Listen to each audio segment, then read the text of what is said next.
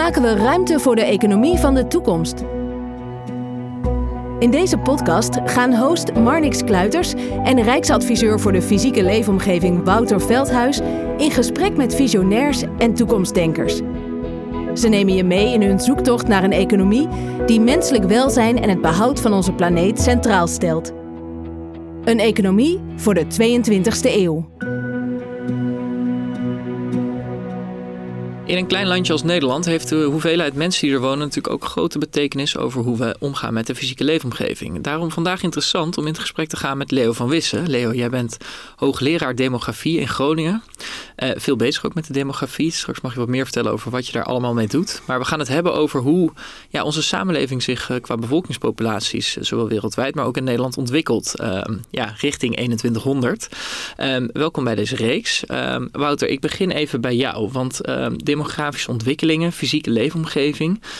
Uh, hoezo maakt dat zo'n groot verschil als we het hebben over uh, ja, uh, het leven wat we gaan hebben en ook tot het werkveld waar jij je mee bezighoudt? Nou ja, een van de grootste politieke issues op dit moment is de beschikbaarheid van woonruimte. dus het, dat ligt ook bij ons in Den Haag, bij het College van Rijksadviseurs, bovenop de stapel van grote urgente kwesties. Dus uh, uh, het aantal mensen in een land en het aantal plekken waar ze kunnen wonen is een heel urgente vraag natuurlijk. Maar wat mij in, de, in, in het kader van de economie het meest interesseert is um, dat in het verleden, uh, als je terugkijkt naar de geschiedenis van Nederland, zijn er economische hoogconjunctuur geweest, die eigenlijk altijd gepaard ging ook met grote migratiestromen of met grote bevolkingsgroei. en die twee die horen gewoon bij elkaar. Als een economie groeit, heb je ook meer arbeidskrachten nodig. En uh, daar hebben we in het verleden uh, best veel uh, van gekregen en ook geleerd. Dus een stad als Amsterdam in de Gouden Eeuw explodeerde en moest toen zeg maar zijn grachtengordel aanleggen. Nou, daarmee zie je een rechtstreeks verband tussen demografische ontwikkeling en ruimtelijke ordening. En ik ben eigenlijk heel benieuwd wat ja, de demografie en de migratie in de toekomst gaat betekenen, ook voor hoe wij onze economie gaan opbouwen. Ja, nou, dat geeft al interessant aan, inderdaad, zo'n grachtengorde, hoe dat vrij directe betekenis heeft op hoe ons land ingericht wordt. Uh, Leo, welkom. Um, ik zou even hoogleraar demografie. In, in, welke hoedanigheid houd je allemaal bezig met dit soort demografische vraagstukken? En misschien om goed even mee te beginnen, wat is demografie precies? Uh, demografie is ja, de, de, de, de, de wetenschap van bevolking. Alles wat te maken heeft met uh, alle elementen waardoor bevolking uh, veranderen in omvang en in samenstelling. Dus ja, heel simpel, geboorte, sterfte, migratie. Maar ook verder, als je onder de motorkap kijkt van, van wat er allemaal nog verder gebeurt. Het gaat ook best wel over samenwonen, over verhuizingen binnen een land. Over allerlei relaties die toch iets te maken hebben met uh, vruchtbaarheid of gezondheid. En uh, de manier waarop mensen eigenlijk leven. Ja, en jij eh, bestuur, bestudeert dit al lange tijd. Um, wat kun je hier dan ook mee doen in de praktijk? Want uh, ja, ook bevolkingsgroei, et cetera. Kun je daar ook echt op sturen? En vanuit wat voor functies heb je je daarmee bezig gehouden? Nou, als je over de toekomst nadenkt, dan heb je het eigenlijk impliciet of expliciet altijd over demografie. Want wat willen we weten over de toekomst? Ja, de eerste, meest basale vraag is... mensen, hoeveel zullen we zijn in de toekomst? Uh, en daardoor is demografie eigenlijk altijd een bodempje over alle denken... ook in beleid, maar ook nou ja, over de samenleving uh, voor de toekomst. En nou neem nu, wat zijn de, de, de, belangrijkste vraagstukken... waar we nu in Nederland, maar misschien wel uh, nou ja, in Europa zeker uh, mee te maken hebben. Vergrijzing en migratie. Dat zijn twee hele grote maatschappelijke vraagstukken. Ja, dat zijn twee demografische vraagstukken. Ja, die weer terugkomen in allerlei hele basale zaken zoals gezondheidszorg en huisvesting. Ja, ze hebben op allerlei manieren direct, indirect invloed op ja, alle domeinen van, van, van, van, van onze uh, samenleving eigenlijk. Ja, en uh, nou vertelde jij vooraf al even dat je directeur bent geweest van het NIDI, als ik het goed zeg. Ja, het NIDI is het Nationale Demografisch Instituut, gevestigd in Den Haag. Is een onderdeel van de Koninklijke Nederlandse Academie van Wetenschappen, dus de, de KNW. Dus uh, uh, nou, wij doen wetenschappelijk onderzoek uh, naar dit soort ontwikkelingen. En andere poot van ons bestaan is, wij proberen dat ook uit te dragen aan en de bevolking te informeren over dit soort ontwikkelingen. Dus het bewustzijn over dit soort vraagstukken te vergroten. Ja, en dat bewustzijn wordt steeds groter, want uh, er zijn allerlei uh, metingen natuurlijk. Het is überhaupt al volgens mij best wel een puikenprestatie dat we weten dat we op dit moment met ongeveer 8 miljard mensen op, uh, op aarde leven. Ik geloof dat die verjaardag begin dit jaar of zo was, of, of de verjaardag de, de, dat de 8 miljardste wereldbewoner erbij kwam. Um, zou je ons wat meer kunnen vertellen over hoe die bevolkingsgroei zich ontwikkeld heeft? Want ja, we kijken nu natuurlijk ver vooruit, maar het is nog niet zo heel lang zo dat we met zoveel mensen op aarde zijn. Hè? Nee, als je kijkt in de afgelopen, nou ja, laten we zeggen, 50, 60 jaar, dan heeft zich een bevolkingsontwikkeling voorgedaan. Dat is, on, ja, dat is niet eerder gezien in de wereldgeschiedenis. Als je, de, als je de, het lijntje van de bevolkingsontwikkeling bekijkt, ja, dat gaat, dat gaat duizenden jaren lang bijna plat. Hè? Gewoon de ge, uh, geboortesterfte, bijna niks bij. Maar ja, sinds, sinds eigenlijk 200 jaar gaat die curve omhoog. En ja, die is uh, uh, ongeëvenaard omhoog geschoten de afgelopen decennia. En is nu eigenlijk pas aan het uh, nou ja, terugbuigen tot meer gematigde groei. Ja, want ik dacht al iets van 100 jaar geleden nog maar rond een miljard zaten. Maar ik weet ja, ja. de cijfers daar even niet nou, Uit hoofd kan ik het ook niet beamen, maar orde van grootte. Ja, dus ja. De, de, de, toename aan mensen, wat we nu hebben per jaar ja, daar deed in het verleden deed de mensheid daar uh, honderden jaren over. Ja. ja. Er ligt natuurlijk wel een belangrijke ontwikkeling ook aan ten grondslag. En dat is bijvoorbeeld de uitvinding van de kunstmest, denk ik. Wat, wat natuurlijk voor veel uh, uh, mondenvoeden zorgt. Uitvinding van antibiotica. Dus daar spelen dat soort dingen natuurlijk ook wel gewoon... dat het nu pas mogelijk is om met zoveel mensen deze wereld te kunnen bevolken, denk ik. Hè? Ja, ja, natuurlijk. De verbetering van, van, van de gezondheid, de vermindering van de sterfte... Wat op zijn beurt ook weer leidde tot, tot vermindering van vruchtbaarheid. Kijk, vroeger had je, als je uh, verzekerd wilde zijn van toch een aantal kinderen als je zelf oud was, dan moest je er wel een heleboel krijgen om uh, in ieder geval een paar kinderen over te houden. Want ja, de helft van de kinderen ging dood voordat ze vijf waren. En dat is gelukkig allemaal achter de rug. Dus nu zijn er ook minder kinderen nodig. Dus dat heeft ook wel effect op elkaar. Maar het is nog steeds wel heel erg hoog. Want er zijn ook heel veel jonge mensen. Neem Afrika. Ja, als de helft van de bevolking jonger is dan 20 op dit moment, en dat is in veel landen zo, ja, al hebben die dan minder kinderen per vrouw, ja, zoveel jonge mensen zal ook weer een hele grote nieuwe generatie uh, gaan uh, krijgen. Dus dat betekent dat de bevolkingsgroei in de komende decennia ook nog heel erg hoog zal blijven in, in dat deel van de wereld. Ja, nou hebben we het met Haroun Sheikh ook wel even een beetje over gehad, maar toen namen we de geopolitieke afslag. En met jou wil ik het ook echt meer gaan hebben over ja, hoe die demografische ontwikkelingen zijn en hoe we ook uh, ja, gaan verschuiven met z'n allen denken over de wereld. Want Afrika gaat ook ontzettend exploderen, vertelde hij al. Ja. Uh, zou je ons misschien eerst even kunnen vertellen, hoe ziet de wereld er grofweg nu uit als je het demografisch bekijkt? Wat, wat zijn daar de interessante inzichten over? nou ja, het veruit grootste continent is Azië. Dat zal niet verbazen, want dan heb je natuurlijk twee hele grote landen. China en India, alle twee 1,3 miljard mensen. En nu heeft net India China ingehaald, want China is over de top heen en gaat nu krimpen, hè, dankzij de één-kind-politiek. Maar bij elkaar zitten daar toch, het grootste deel van de mensheid is Aziatisch, met 4 miljard mensen. Alleen die groei neemt heel sterk af. Uh, in Afrika heb je op dit moment ruim 1 miljard, 1,3 miljard mensen. Maar daar is de groei nog heel erg hoog. En uh, nou ja, als de voorspellingen uh, bewaarheid worden, dan zal eind van deze eeuw Afrika bijna net zo groot zijn als Azië. En uh, Afrika is op dit moment, nou ja, laten we zeggen, net zo groot als, als, als, als China. Maar in 2050 is het groter dan China en India bij elkaar. Ja, en als je het over grootte hebt, dan praten we even voor de duidelijkheid over bevolkingspopulaties. Hè? Het aantal mensen wat er leeft. Zeker, ja. ja. Want uh, het gaat natuurlijk niet in een aantal vierkante kilometers. Dat blijft meer of meer hetzelfde in het algemeen. Ja. ja. en als we het dan hebben over hè, de wereld waarvan uit wij onze blik altijd uh, bekijken. Hè, ook hoe landkaarten volgens mij ingericht zijn, waarin bijvoorbeeld Europa veel te groot op afgebeeld wordt. Um, met hoeveel zijn we in de westerse wereld? Nou, Europa heeft ruim een half miljard mensen. En dat wordt ook niet meer. Dus wij krijgen een steeds kleiner deel van de wereldbevolking. Wij worden wat dat betreft echt een beetje marginaal. En uh, dat geldt ook voor de andere westerse landen. Want Amerika groeit nog wel iets, of de Verenigde Staten, Canada, ietsje sneller nog dan, uh, dan uh, Europa. Maar grosso modo blijft, laten we zeggen, wat wij nu noemen de, de, de, de, de westerse wereld, de ontwikkelde, de, de hoog, hoge inkomenswereld gaat niet meer toenemen en zal wat gaan afnemen bij elkaar. En dus ja, in, in termen van populatie verschuift het gewicht steeds meer naar nu, nu Azië en vervolgens richting Afrika. Ja, en je hebt het al een aantal keer over als de voorspellingen uitkomen. ja. Daar zit best wel een patroon in. Hè? En dat is eigenlijk gewoon dat kinderen eerst dienen als je pensioenvoorziening. En, en Haroon vertelde ook heel mooi, ja, op een gegeven moment zijn kinderen meer een luxe product en dan kosten ze vooral veel geld.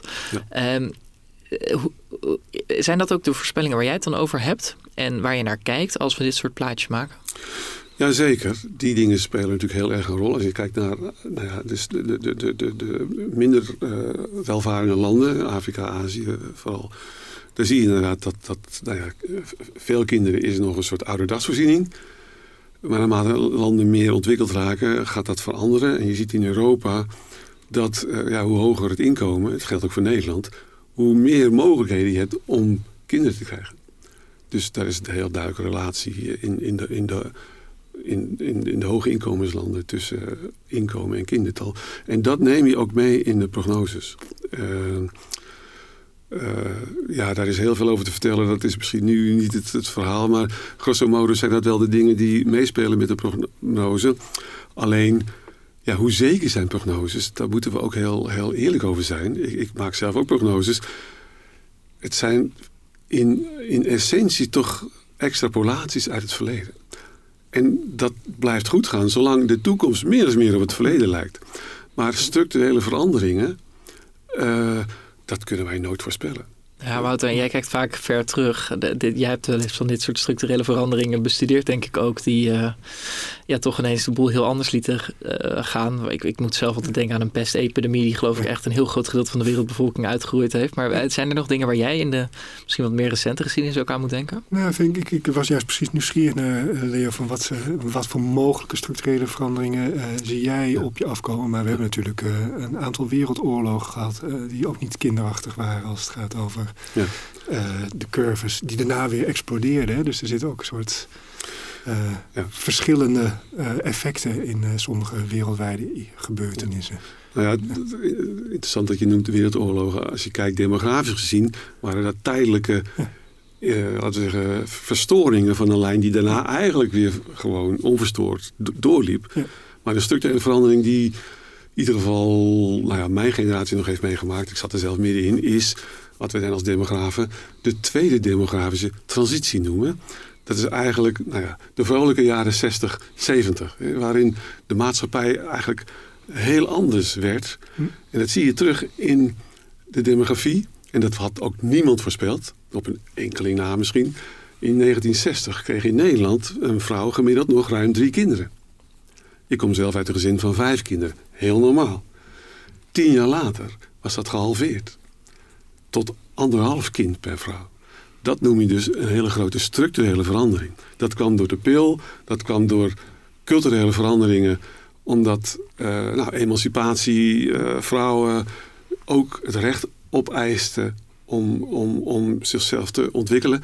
Nou, dat soort dingen kun je niet eigenlijk goed voorspellen. Dus dat gebeurde en ja, tien jaar later zat je in een heel andere situatie eigenlijk. de samenleving is structureel veranderd met daarmee ook demografisch vertrag. En dat kan in de toekomst Who knows? Ook weer gebeuren. Nou ja, je hebt nu natuurlijk mensen die vanuit klimaatbewustzijn zeggen: ik zet zo'n kind niet meer op de wereld. Uh, wie weet wordt dat wel een hele grote stroming die uh, Zou kunnen, uh, principieel weigeren zichzelf voor te planten. Ja. Dat, dat, soort dingen kun je natuurlijk inderdaad helemaal niet voorspellen. Ja. Um, of technologische ontwikkelingen. Stel dat het mogelijk wordt. want veel vrouwen willen eigenlijk toch twee kinderen. Gemiddeld. De kinderwens in, in, in ons soort streken. Maar we hebben een stuk minder, omdat tussen daad en werkelijkheid, eh, of tussen wens en werkelijkheid, zit, zit, zit uh, nogal wat obstakels. Hè. Relaties gaan uit, noem maar op. Maar stel dat je nou, ik noem maar wat, uh, een reageerbuiskind zou kunnen krijgen in de toekomst. We hebben het toch over de lange termijn hier. nou ja, dan zou misschien de, het aantal kinderen wel wat toenemen.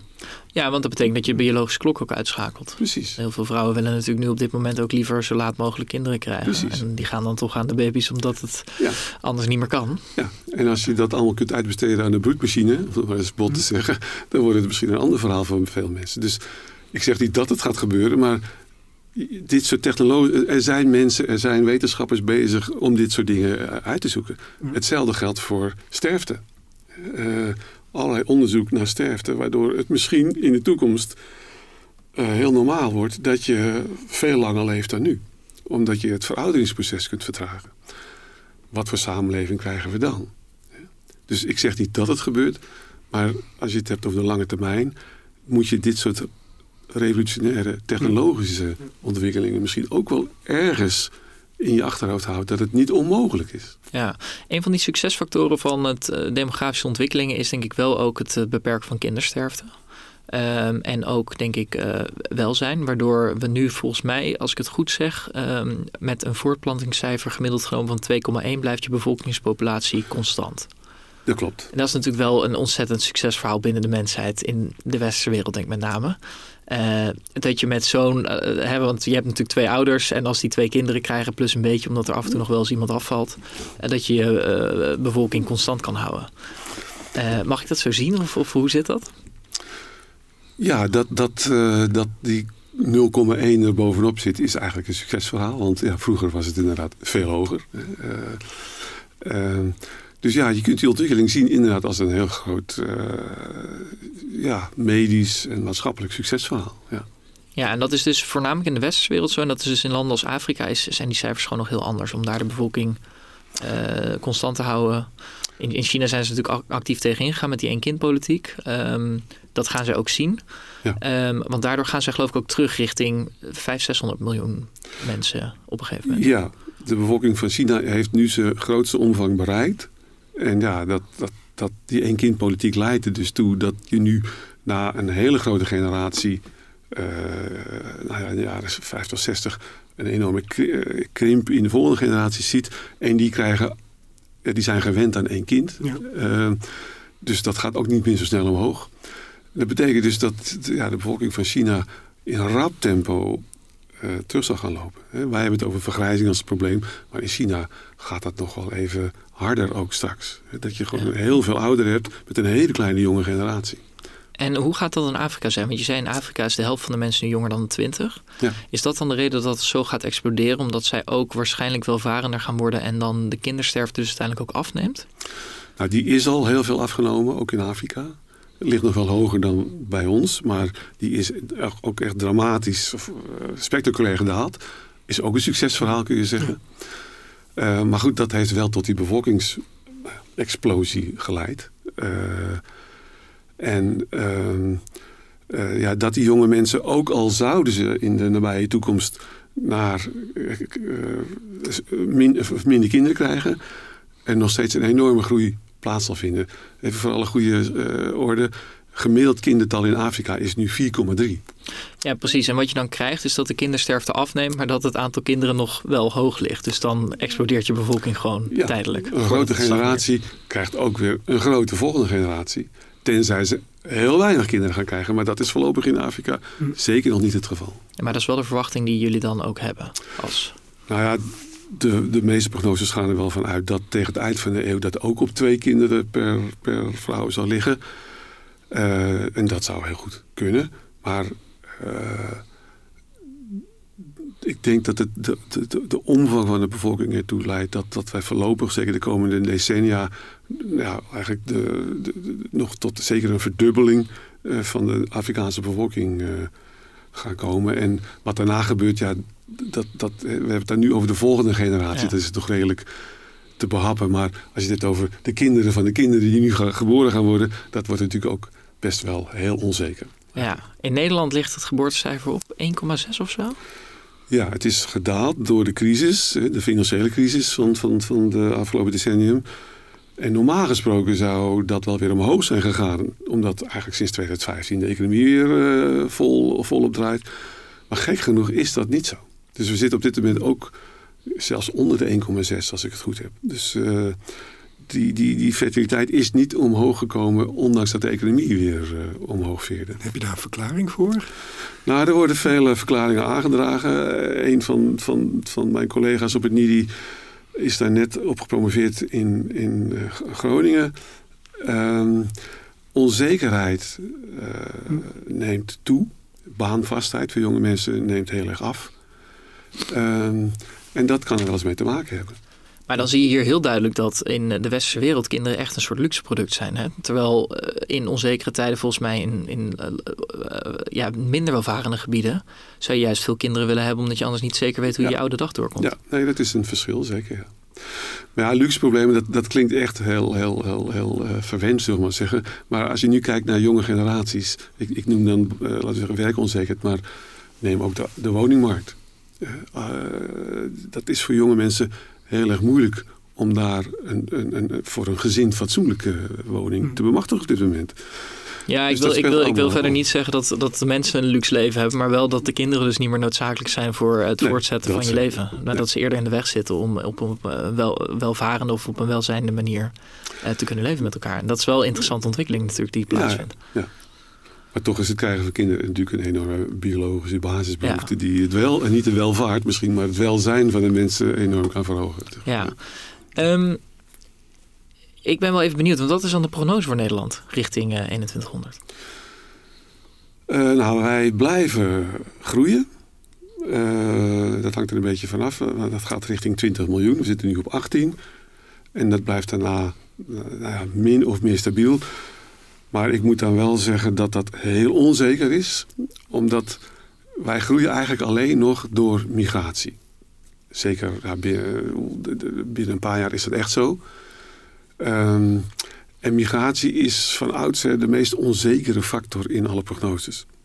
Demografen houden ook niet zo erg van migratie als factor. Die, die kijken liever naar vruchtbaarheid of sterfte, want het zijn veel meer demografische processen waar ze meer mee kunnen. Maar migratie, ja, dat heeft wel gevolgen voor de bevolkingsomvang en samenstelling.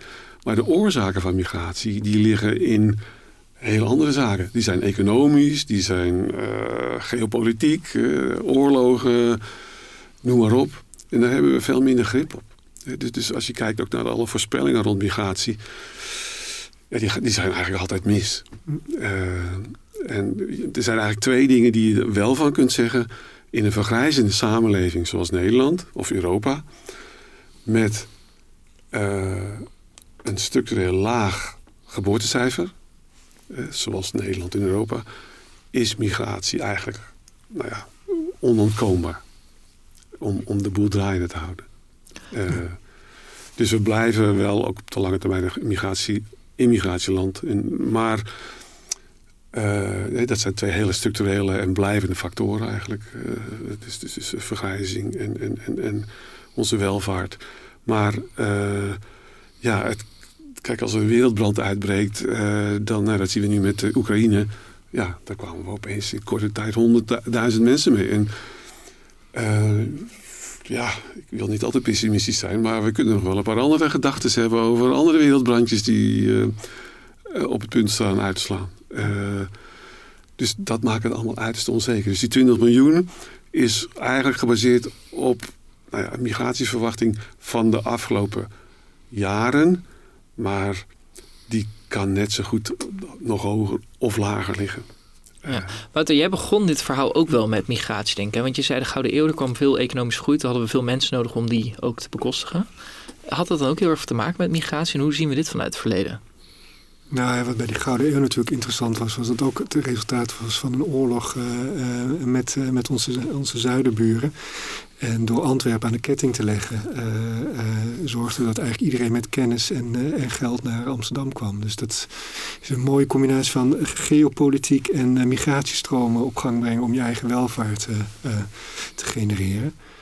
Um, en, en ja, dat spel zie je natuurlijk nu op een hele andere manier nog steeds, wat mij betreft. Hè. Dus de, uh, de focus die we nog steeds hebben op uh, werkgelegenheid, arbeidsplaatsen, groei van de economie, die leidt ook tot het aantrekken van arbeidsmigranten. En ik vind in die zin wat, wat jij net zei, Leo, van die onzekerheid, zoiets als Oekraïne uh, begrijp me niet verkeerd, ik, ik, ik, ik, wil je niet een pleidooi houden voor een gesloten fort Europa. Maar uh, um, als we er even uitgaan dat uh, Europa een redelijk beschermde bevolking is... waar het moeilijk is om bij te komen, tenzij je echt op de vlucht ergens voor bent. Maar naarmate Europa groter wordt... Ehm, is de kans dat er binnen Europa ook een brandje uitbreekt natuurlijk ook enorm. Dat hadden we natuurlijk ook in de tijd dat Joegoslavië uit elkaar viel. Uh, waar we hier een hele grote Kroatische en Bosnische uh, bevolkingsgroep overgehouden hebben in Nederland. Dus ik verwacht eigenlijk ook dat juist ook het, de onrust binnen Europa tot onverwachte uh, um, stromen kan leiden. Um, die we vroeger niet hadden. Dat zou best kunnen. De Balkan is natuurlijk ook inderdaad wat je zegt. Een, een, een, potentiële brandhaard waar het nu ook weer smult met Kosovo en Servië. Ja. En natuurlijk Oekraïne sowieso. Uh, dat, dat, dat zijn potentiële zaken. Maar goed, ik, ik wil toch één ding over migratie zeggen. Omdat ons, uh, ons beeld is met migratie ook wel, ook wel heel sterk op, op dit soort vluchtelingenstromen gericht. Maar we hebben per jaar komen er honderdduizenden mensen binnen als migrant in Nederland. Daar is een deel van, laten we zeggen, vluchteling. Maar het overgrote deel is arbeidsmigrant of studiemigrant of, of, gezinsmigrant. En uh, het als voorbeeld, het aantal migranten uit India is groter dan het aantal migranten uit Afrika. Hoe, ja, uh, dat gebeurt omdat ze, ze, ze, ze, komen in universiteiten, ze gaan ergens aan de slag. Het zijn vaak ook high-tech werkers, noem maar op. Um, ja, wij denken met name aan de situatie bij Ter Apel, wat, wat geloof ik. Uh, ja, dat is ons beeld heel erg. En dat wordt natuurlijk heel erg ook, ook versterkt door alle sociale media en de politieke aandacht voor het hele fenomeen. Maar laten we zeggen, het, het, het, de, het verschijnsel migratie is veel en veel groter dan dat. En gaat ook voor het grootste deel, laten we zeggen, ja, wordt, wordt ge, ge, geabsorbeerd door de samenleving. Net zoals ook heel veel mensen weggaan. Ja. Uh, Waardoor, ja, het gaat om een groot aantal netto uiteindelijk. Maar uh, je hebt het uh, ook over, over arbeidsmigratie. Dat is de grote motor. Ja, want ik, ik hoor jou een aantal dingen roepen. Hè. Dus vluchtelingen, dat kennen we allemaal. Dat is ook niet wenselijk, denk ik. Hè. Tenminste, ik denk dat er weinig Oekraïners zaten te wachten op uh, migratie. Ja.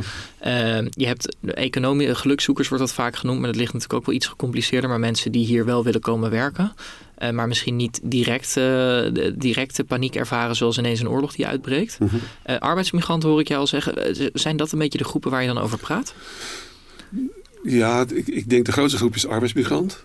En daar komen ook vaak volgmigranten bij. Dus dat gezin. Als je een arbeidswerkvergunning hebt vanuit het buitenland, ja, dan, dan mag je natuurlijk met, met je partner en je kinderen komen als het goed gaat. en dat, dat, dat is een hele grote categorie. En ja, die worden natuurlijk, de integratie daarvan is ook vrij makkelijk, omdat ze zijn gewenst. Ze, ze vervullen plekken die blijkbaar hier in Nederland niet vervuld kunnen worden door uh, mensen die hier uh, al van oudsher wonen. Um, en daar kun je dan ook bijvoegen studiemigratie. Onze Nederlandse universiteiten die staan heel hoog aangeschreven internationaal. Dus er komen heel veel mensen naar universiteiten toe uit het buitenland.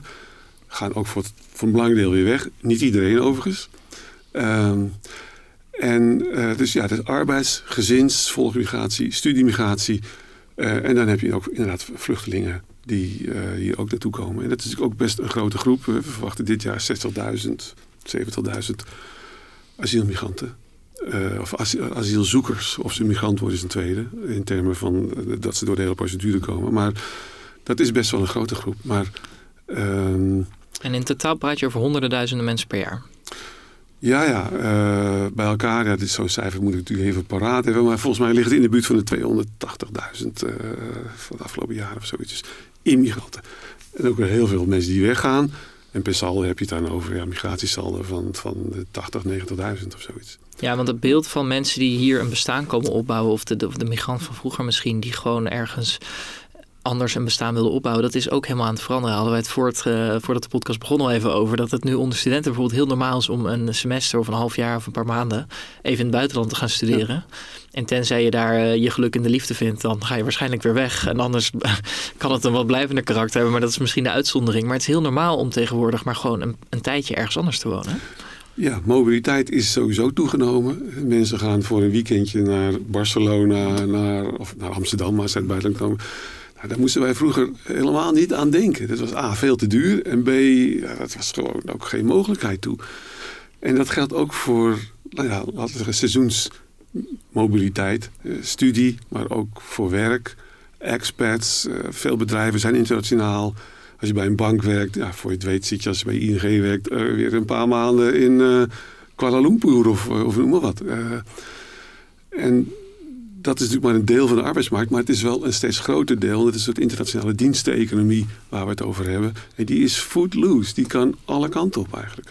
Maar het geeft ook wel aan dat samenlevingen zoals die van Nederland, en misschien ook in het buitenland, maar dat weet ik dan niet zo goed, ook veranderen. En dat je misschien uh, de, Nederlander die bij wijze van spreken Piet, Kees en Jan heten, dat dat niet meer uh, in de toekomst zo is en dat dat een veel diverser gezelschap wordt. Dat zeker. En nou dat, dat zien we natuurlijk nu al lang gebeuren. Kijk, kijk naar Amsterdam. Als, als ik straks uh, naar een café ga, ik vermoed dat ik dan door iemand geholpen word aan, een, een, drankje op het terras die, niet, die geen Nederlands spreekt. De arbeidsmarkt, zeker in, in de grote steden, is al zo internationaal omdat er geen mensen te vinden zijn. En omdat uh, natuurlijk Nederland een van de meest succesvolle economieën van de EU ook is. Dus ja, hoe je het ook wint of keert, ja, het, kruipt altijd waar het niet gaan kan. Maar dat is de situatie waar we nu al in veel delen van, van, van Nederland en ik denk ook in Europa mee zitten. Ja. ja. Je, zei, je zei van de, de, internationale diensten, diensteconomie die foodloose is. Wij hebben natuurlijk in Nederland wel veel gedaan om daar uh, heel aantrekkelijk in te zijn. Hè? Dus de grote ICT, uh, Booking.com, maar ook andere grote bedrijven. Um, die proberen we met mannenmacht vasthouden. Uh, omdat dat ons, uh, ons economisch succes bepaalt. Maar tegelijkertijd komt er dus een enorme migrantenstroom daardoor op gang. Ja, ja, dat zijn natuurlijk hele aantrekkelijke uh, poolfactoren. Het zijn aantrekkende factoren voor mensen die, die in dat soort werkomgevingen maar je, je noemde net, zeg maar, ja, die, uh, wij demografen houden niet van migratie, want die is uh, zo onvoorspelbaar. Maar ik, ja, je kan toch op een briefje geven dat als je zegt... ik wil internationale bankaire instituten en een uh, medisch agentschap in Nederland hebben. Ja. En daar gaan we alles voor doen. belastingvoordelen, vestigingssubsidies, van alles dan moet je toch ook niet verbaasd zijn dat daar een grote uh, arbeidsmigrantenstroom achteraan komt. Ja. En dan zou je toch ook niet verbaasd moeten zijn dat die een woning nodig hebben, denk ik dan. Maar dat idee heb ik wel, dat we daar dan verbaasd over zijn. Ja, nou ja, dat is het beetje het malle van het hele verhaal. Ik ben het volkomen met je eens. Dat, dat, dat wij zijn een open internationale economie, economie. En daar hoort ook een open internationale arbeidsmarkt bij. En dat zijn we voor een belangrijk deel ook, als je naar de praktijk kijkt. Van, van, vandaar ook die grote aantallen migranten. Uh, alleen het discours, of het, het, het, het, maatschappelijke debat, of, of uh, lijkt wel haaks daarop te staan. Een beetje. En dat, dat zet ons in een, spagaat, in een spagaat in zekere zin. En niet alleen ons, ik denk heel Europa. Uh, nou, als voorbeeld, ik, ik, las twee voorbeelden de afgelopen weken over hoe dat dan uitpakt. Italië als, als, als voorbeeld heeft een heel rechtse anti-migratieregering. Die is aan de macht gekomen ook door dat verhaal. Um, en dat proberen ze ook zo te profileren. Maar goed, tegelijkertijd hebben ze het quotum voor buitenlandse arbeidskrachten stilletjes flink opgeschroefd. Waarom? Ja, Italië heeft het laagste geboortecijfer van Europa. Heeft hard mensen nodig. In de zorg, in, in de industrie, in de maakindustrie hebben ze natuurlijk heel veel. Alleen dat hangen ze niet aan de grote klok. Maar het is wel hard nodig. En hetzelfde geldt dus ook voor Polen. Polen ook een heel anti-migratieland. Ja, natuurlijk, dit Oekraïne is natuurlijk een heel andere vraag geworden. Maar ook zij hebben uh, naar buiten toe een groot uh, anti-migratieverhaal. Maar je ziet ook dat via een andere weg er toch veel mensen binnenkomen om aan de arbeidsvraag te voldoen. Ja. Ja, en ik vond het wel interessant, Wouter, want jij begon natuurlijk met die Gouden Eeuw. Mhm. En uh, ook hoe dat letterlijk de hele stad Amsterdam dan uh, qua inrichting veranderd heeft. Maar ook dat economisch succes dus heel erg afhankelijk was van de arbeidskrachten die ook kwamen. En dat die ook nodig waren om die economie te laten groeien. Ja. Leo, als we dan kijken, hoeveel relevantie hebben die economie en ja, mensen die naar zo'n economie toekomen dan met elkaar? Want uh, wat Wouter al zegt, er zijn een aantal voorbeelden waarvan wij heel graag de beste willen zijn dat trekt mensen aan. Mhm. Maar we hebben ook te maken met die vergrijzende samenleving. Dus uh, waarin heel veel handjes gewoon nodig zijn. Uh, dus volgens mij raakt dat aan allerlei kanten aan economie. En zeker aan een economie op de lange termijn. Zeker. Ja, nee, dat is ook een interessante vraag hoe zich dat zal gaan ontwikkelen. Want als je dat zo doortrekt, dan, ja, dan komt ergens toch wel een of andere sector piepend te kraken tot stilstand. En nou ja, nou verdien je in de bankaire sector wat meer dan in de zorgsector. Dus ik vermoed dat de zorgsector als eerste om zal vallen. En dat zijn ook wel de verwachtingen. Ah ja, het is een beetje een doemdenkerig scenario. Maar als je kijkt naar uh, nou ja, hoe, we hebben het al heel lang over vergrijzing, inderdaad. Maar als je kijkt naar het percentage ouderen, dan zitten we nog maar halverwege het echte proces van vergrijzing. Dat, dat, dat, er is een BRR-rapport waaruit blijkt dat uh, over 20 jaar 1 op de 4 mensen en over 30 jaar 1 op de 3 mensen ja. in de zorg moeten werken. Ja.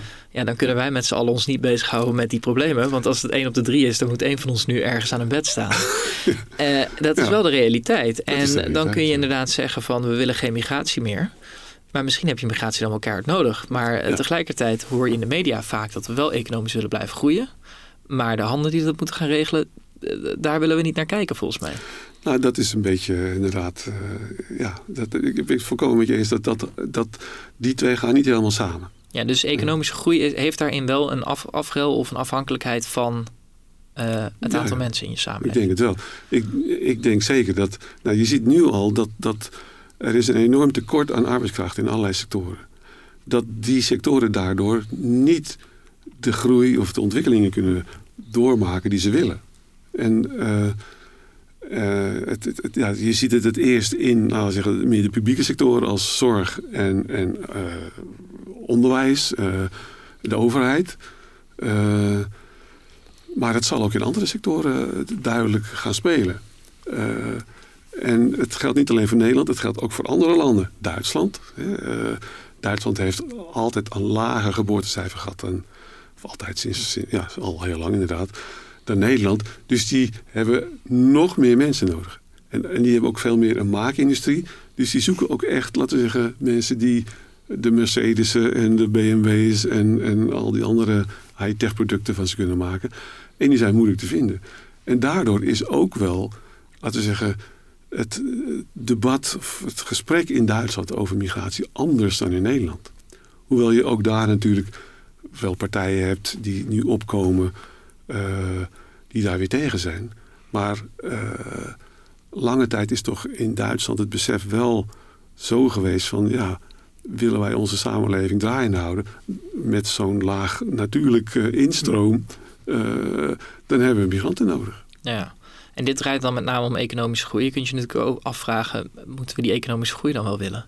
Alleen wat, er, wat we vaak zien volgens mij is in het debat dat we en economische groei willen en uh, geen migratie. Ja. Uh, die twee kloppen dan niet helemaal die met kloppen elkaar. niet helemaal met elkaar. Nee. Maar kun je ook aan die andere kant gaan zitten van laten we gewoon stoppen met economisch groeien? Of, of lopen we dan wel echt tegen die problemen aan zoals de WR, WRR dat in dat rapport schetst?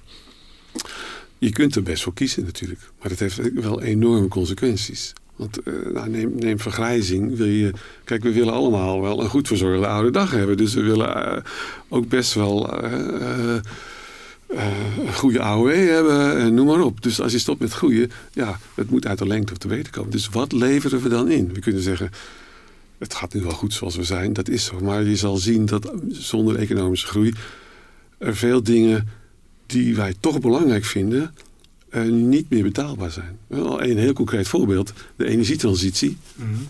Die is nodig. We gaan van de fossiele energie af naar iets anders. Ja, dat kost ook heel veel geld. Uh, maar we vinden het wel belangrijk dat we toch, uh, nou ja, laten we zeggen, elektriciteit houden en, en, en onze huizen warm gestookt kunnen zijn. Alleen ja, die omslag kost heel veel geld. Dus als we dat geld niet hebben, wat dan? Dus, dus, dus ik vind wel, de, de nadruk is natuurlijk wel heel erg altijd de afgelopen decennia geweest op economische groei, economische groei. En het dondert niet hoe we dat doen. Gewoon uh, dat, die, die, die, rare indicator nationaal inkomen omhoog. Maar je kunt je wel voorstellen dat je, dat je een meer inclusief soort brede welvaartsidee hebt over groei. Waarin economie een belangrijke rol speelt om dingen betaalbaar te houden. Maar dat het uiteindelijk om andere dingen gaat dan alleen maar puur uh, meer geld in het laadje. Ja, wat, wat, wat, je wel mooi zegt, vind ik, is dat eigenlijk naarmate een samenleving grijzer wordt, vergrijst, heb je eigenlijk meer behoefte aan economische groei.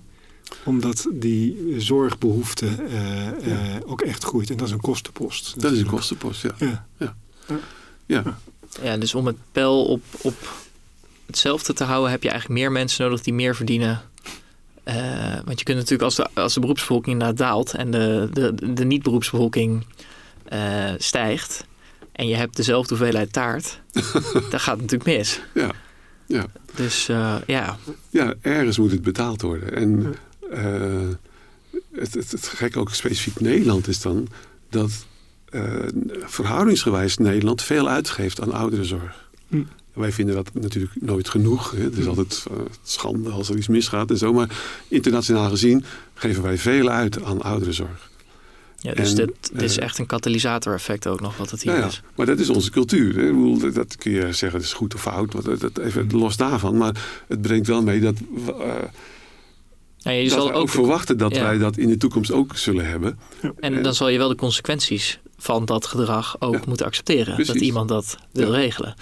Um, Waar ik wel benieuwd naar ben dan. Um, je hoort natuurlijk ook wel eens heel populistische geluiden van dit land is vol. We zijn met 18 miljoen ongeveer. Uh, ik, ik, kom nog wel uit de tijd dat dat liedje helemaal hip was. Dat we met 15 miljoen mensen waren. oh ja. We gaan naar 20 miljoen zeg jij. Ja. Um, al die mensen moeten natuurlijk ook ergens wonen. Die gaan ook weer vragen naar producten. Um, Zit daar een kern van waarheid in dat het misschien wel helemaal niet kan om met zoveel mensen hier te wonen? Ik ben daar ook zo benieuwd naar wat jij daarop te zeggen hebt, Wouter. Want jij kijkt natuurlijk niet fysieke leefomgeving. Maar hierin komt wel heel erg duidelijk terug dat dit ook echt een druk gaat uitoefenen op hoe we ons land inrichten natuurlijk. Ja, ja. Nou ja, ik denk dat als wij 18 miljoen mensen aankunnen, dat we 20 miljoen ook nog aankunnen. Dat, dat, dat is, ja. Maar goed, de kwaliteit van de leefomgeving is best wel een, een punt in, in, in Nederland. Zeker als je nou ja, uh, nou, neem het voorbeeld Schiphol als, als, als een voorbeeld van een, een, motor van economische groei. Als, althans, dat, uh, ja, als je dat gewoon ongerend door laat gaan, dan heeft dat wel invloed op, op de mensen die eromheen wonen. En ja, dat is een van de dichtstbevolkte delen van Europa waar we het over hebben. Dus dat knelt dan wel. Dus, maar goed, ik, ik ben wel van mening dat, dat wij zijn rijk genoeg, heb je het weer, om ook een gematigde bevolkingsgroei nog wel aan te kunnen. Dat denk ik wel. Hoe kijk jij er naar, Wouter? Ja, ik ben er heel, eh, heel optimistisch over gestemd. Hoor. we zijn een, uh, een van de dichtstbevolkte landen van, uh, van de wereld, zeggen ze altijd. Maar we zijn ook een van de dun dunst bevolkte steden ter wereld. zo kan je er ook naar kijken. Want we zijn, sommige landen zijn steden die zijn net zo groot als Nederland. En er wonen veel meer mensen bij elkaar. Ehm, maar ik ben het ook wel heel erg met Leo eens dat ja, uh, uh, we kunnen natuurlijk niet door op, met dezelfde grote voet leven. Uh, dus als we allemaal evenveel en nog meer gaan vliegen en allemaal evenveel en nog meer auto's gaan kopen. En ja, dan wordt het wel een land waar de ruimte schaars is. Dus we zullen wel gedrag moeten veranderen. Maar dat is heel normaal. Uh, met, uh, ook, ook in de dierenwereld gebeurt dat. Hè? Als je dichter op elkaar zit, moet je je gedrag veranderen. Ja. ja. ja. En nog iets anders dan, uh, Leo. Want we zien tegelijkertijd natuurlijk ook wat jij al vertelde over dat migratie veel dynamischer is geworden. Hè? Dus dat er allerlei studenten gewoon voor een tijdje ergens heen gaan. We hebben natuurlijk gezien na de Tweede Wereldoorlog dat hier heel veel arbeidsmigranten naartoe gekomen zijn. waarvan we dachten dat, dat, um, dat die wel weer teruggingen. In plaats daarvan hebben ze heel veel familie hierheen gehaald. Mm kun je die mensen denk ik niet kwalijk nemen wat je misschien wel zou kunnen doen ook, ehm, als je nu kijkt naar die wereldwijde uh, context, hè, waarin bepaalde delen van de wereld een hele ja, uh, vitale arbeidsbevolking hebben, denk ik, om het maar zo te zeggen, waarbij je juist ziet dat de westerse wereld heel erg vergrijst. Zou je ook kunnen voorstellen dat dat dynamischer wordt, dat we bepaalde mensen hier tijdelijk naartoe halen om dat soort zorgtaken op te nemen uh, tegen een juiste vergoeding dan omdat wij hier zo rijk zijn. Maar dat je dat dynamischer maakt, dat er wel goede regelingen in zitten dat mensen ook weer teruggaan. Want je moet natuurlijk ook niet ergens uit Afrika de slimme mensen allemaal wegtrekken bijvoorbeeld. En hoe, hoe, denk je daarover na? Mhm. Ja, ik denk dat, dat, dat die scheve demografische verhouding tussen een grijs Europa en een heel jong naastliggend continent als uh, Afrika maar ook India bijvoorbeeld op dit moment nog. Uh, ja, dat, dat, dat, dat, dat het goed zou zijn om daar dus wat balans in te brengen. Uh, en dat dat zou helpen zo'n balans, om zo'n balans te creëren als, als grenzen opener zijn. Want wat je nu hebt is van, nou ja, je waagt je leven om die sprong te maken. Hè, letterlijk vaak vanuit Afrika.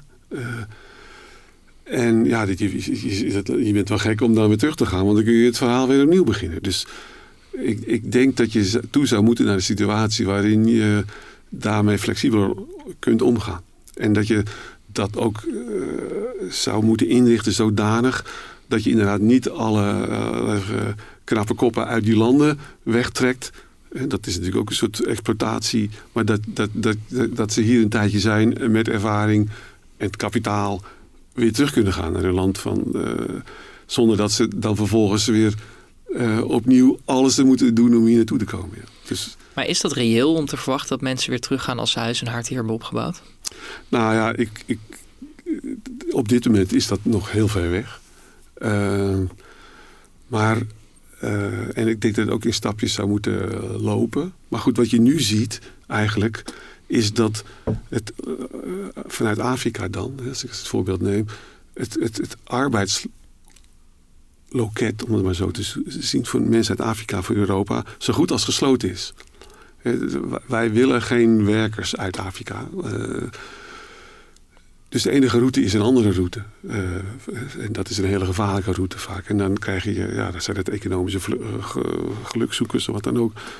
Um, terwijl als je dat loket wel zou inzetten, dan is, is, er in ieder geval meer mogelijk, is mijn, is mijn uh, uh, opstelling. Dat je dan afspraken kunt maken met betrokkenen voor een soort arbeidscontract voor een aantal jaren of zoiets. En nou ja, ehm, en dat ze daarmee ook wel weer een.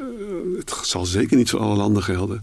Maar in een, voor een aantal landen zal het zeker gelden dat ze daarmee ook een goede toekomst in dat land kunnen opbouwen. Ja, dus je kunt daar wel degelijk op sturen. Um, stel dat dat gebeurt, dan neemt de bevolkingsdichtheid hier dus nog verder toe. Wouter zegt net iets heel interessants, dat we helemaal niet zo heel erg verstedelijkt zijn. Zeg ik dat zo goed dan? In ieder geval dat we nog veel grotere steden zouden kunnen maken in ieder geval. Ja. Jij raadde mij daar ook een interessante serie van de NPO voor aan. Um, nou ben ik even de titel kwijt, maar dat ging over ook een wereld die demografisch gezien keek naar 2100. En dat liet ook zien wat voor megalomane steden er mogelijk zijn. En dat zie je in Europa eigenlijk nog heel erg weinig, hè? Nou, je hebt natuurlijk best wel grote steden in Europa. Dat waren vroeger de grootste steden ter wereld. Hè? Parijs, Londen. Dat was natuurlijk het centrum van eigenlijk de westerse wereld. Maar we zijn al lang ingehaald. En ja, de groei in Afrika, om maar eens weer opnieuw dat uh, voorbeeld te nemen, vindt voor een groot deel plaats in steden. Dus die, als we de komende 30 jaar, als er nog anderhalf miljard mensen bij komen, dat is voor in ieder geval, laten we zeggen, de helft, als het niet meer is, stedelijke bevolking. En dan heb je het over megasteden als Dar es Salaam of Lagos. En die gaan naar 20, 25 miljoen mensen. Uh, dus dat, dat strekt zich uit over een gebied van honderden kilometers. Dat is eigenlijk heel Nederland volgebouwd. als, als ja, dat is echt bizar, want Amsterdam is 800.000, dacht ik. In ja, dat is een pietluttig stadje natuurlijk, mondiaal gezien. 900.000, want Weesp is geannexeerd. Oh ja, dat schiet ook wel. Ik schrok er ook van. Ik dacht, wat is er voor uh, geboortegolf in Amsterdam voorbij gekomen? En toen dacht oh ja, Weesp is er nu bij. ja. Dus daar liggen inderdaad echt wel mogelijkheden. En daar zie je geloof ik ook, ik heb in het verleden wel zo'n lichtkaart gezien. Dat je als je kijkt naar Rotterdam, Delft, Den Haag, dat is ook bijna dichtgegroeid geloof ik. Um, maar dat kan dus inderdaad wel georganiseerd worden. Um, uh, ook, ook in Europa waarschijnlijk als je efficiënt en effectief met die ruimte omgaat. Ja, het kost wat. Daar hebben we het weer. Eh, om dat soort dingen mogelijk te maken heb je wel geld nodig. Maar het kan zeker. En ja. natuurlijk hebben als je inderdaad, nou ja, wat is goed, leuk dat je het noemt, die lichtkaart van de wereld. Uh, er zijn ook wel onderzoeken naar gedaan. Dat je dan. Uh, wat, wat definieer je dan als een soort uh, grote stedelijke agglomeratie? Dan kijk je naar de hoeveelheid licht die het, die het genereert. En dan is ja, de, hele regio eigenlijk van Parijs tot, tot, tot, aan, tot, tot aan Londen, Amsterdam één grote metropool eigenlijk. Want het is, dat, dat is zo'n bak licht die de ruimte in staat. Ja, voor de mensen die dat uh, niet begrijpen, maar dat gaat om een satellietfoto die in de nacht genomen is, waarbij je ziet hoe groot de verlichting is, inderdaad. Ja, is ook zo te vinden op internet. Het is heel leuk om naar te kijken. Dat je dan ook dat, eh, en hoe meer licht, hoe meer ontwikkeld eigenlijk, eh, als stedelijk ontwikkeld. En ja, daar zitten wij in het hart van die grote metropool Zuidwest-Europa. Of Noord, sorry, Noordwest-Europa. maar daar zou dus nog best wel wat licht bij kunnen als ik jou goed begrijp, Wouter. En misschien ook wel noodzakelijk. Want hoe kijk je net het verhaal als je dit zo hoort? Nou ja, ik, ik vind het eh, best wel spannend om me voor te stellen dat we van 18 naar 20 miljoen gaan. Maar ik, uh, het wordt natuurlijk nog veel spannender als je bedenkt dat, dat er misschien wel uh, voorlopig nog even geen bovengrens is. En dat we er nog wel eens overheen kunnen dippen. En dan vraag ik me inderdaad af van ja, hoe, hoe, hoe, anticiperen we daar nu op? Hè? Want we zijn nu uh, eigenlijk continu bezig met uh, prognoses voor de komende tien jaar aan woningbehoeften. En dan gaan we daarvoor bouwen. En dat is dan over dertig jaar klaar helemaal. Maar dan zijn we alweer door twee uh, demografische golven heen. dus we lopen met onze manier van stadsontwikkeling eigenlijk continu achter de feiten aan. Dus wat ik ontzettend spannend zou vinden... als we met elkaar toch op een andere manier zouden kunnen gaan plannen... waardoor je gewoon kan meebewegen met uh, de demografische beweging... Uh, uh, mondiaal in Europa en in Nederland. Um, en dus ook, met name als het gaat over woningbouw overigens... af kunnen van... dat, dat, is namelijk nogal een bastion van de autochtoon, zou ik maar eigenlijk zeggen. de sociale woningbouw, de koopsector met je hypotheken... is een heel gesloten we hebben een enorm gesloten woningmarkt. Dus als migrant kan je ook bijna nergens binnenkomen. Mhm. Dus we hebben ook een stelsel uh, waarmee we onze steden ontwikkelen... Uh, die ontzettend ongastvrij is voor tijdelijke passanten of ja, vestigers. Ja. ja. je hoort wel eens wachttijden van 13 jaar ja, voorbij komen. dat sluit niet helemaal aan met die dynamische nee, migratie waar wij het net over hadden inderdaad. Nee, Om hier even een keer drie jaar te komen wonen en werken. Nou, je hebt nu categorie, vooral in de steden, expats die met een dik inkomen toch wel uh, ergens terechtkomen. Dus daar hoeven we ons geen zorgen over te maken, zou je kunnen zeggen. Maar heel veel uh, mensen hebben dat toch niet. En nou ja, juist ook de meest, laten we zeggen, kwetsbare migrantengroepen... Ja, die komen echt in het putje van de samenleving terecht. Ja. En, dat is best erbarmelijk, want we bekommeren we ons eigenlijk nauwelijks om. Ja. ja. En met een geboortecijfer van 1,6 blijven we natuurlijk gewoon de komende decennia tegen dit probleem aanlopen. Dus als we nou even terugpakken naar 2100, Um, dan moeten we hier wel echt mee aan de slag, denk ik. Hè? Want je zegt die piek in de vergrijzing, wat dat ook aantoont, die is zeker niet voorbij. Nee, dat duurt wel eventjes. Het is pas rond 2040, 2045 dat we, laat zeggen, het maximale aandeel uh, ouderen in onze samenleving hebben. En wat je zegt, is er één, ja, één voor elke ouder heb je dan drie werkenden eigenlijk. Het is best veel. Maar dat zal daarna niet gaan dalen. Dus we zullen in een structureel vergrijzde samenleving wonen in de toekomst. Uh, uh, en daar moet je dan ook wel iets, uh, ja, daar moet je je ook op inrichten. Ja.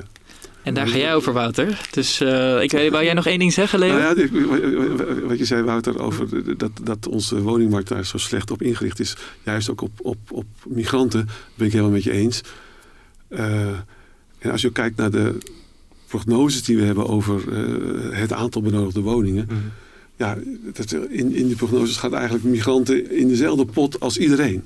Terwijl hun woningvraag, misschien ook vanwege het feit dat ze er maar een paar jaar zijn... of dat ze toch een andere eh, situatie zitten, misschien wel heel anders is. als je arbeidsmigranten hebt, uit, uit, nou ja, die willen hier een tijdje zitten en dan veel verdienen en weer weg... die hebben misschien een heel andere behoefte.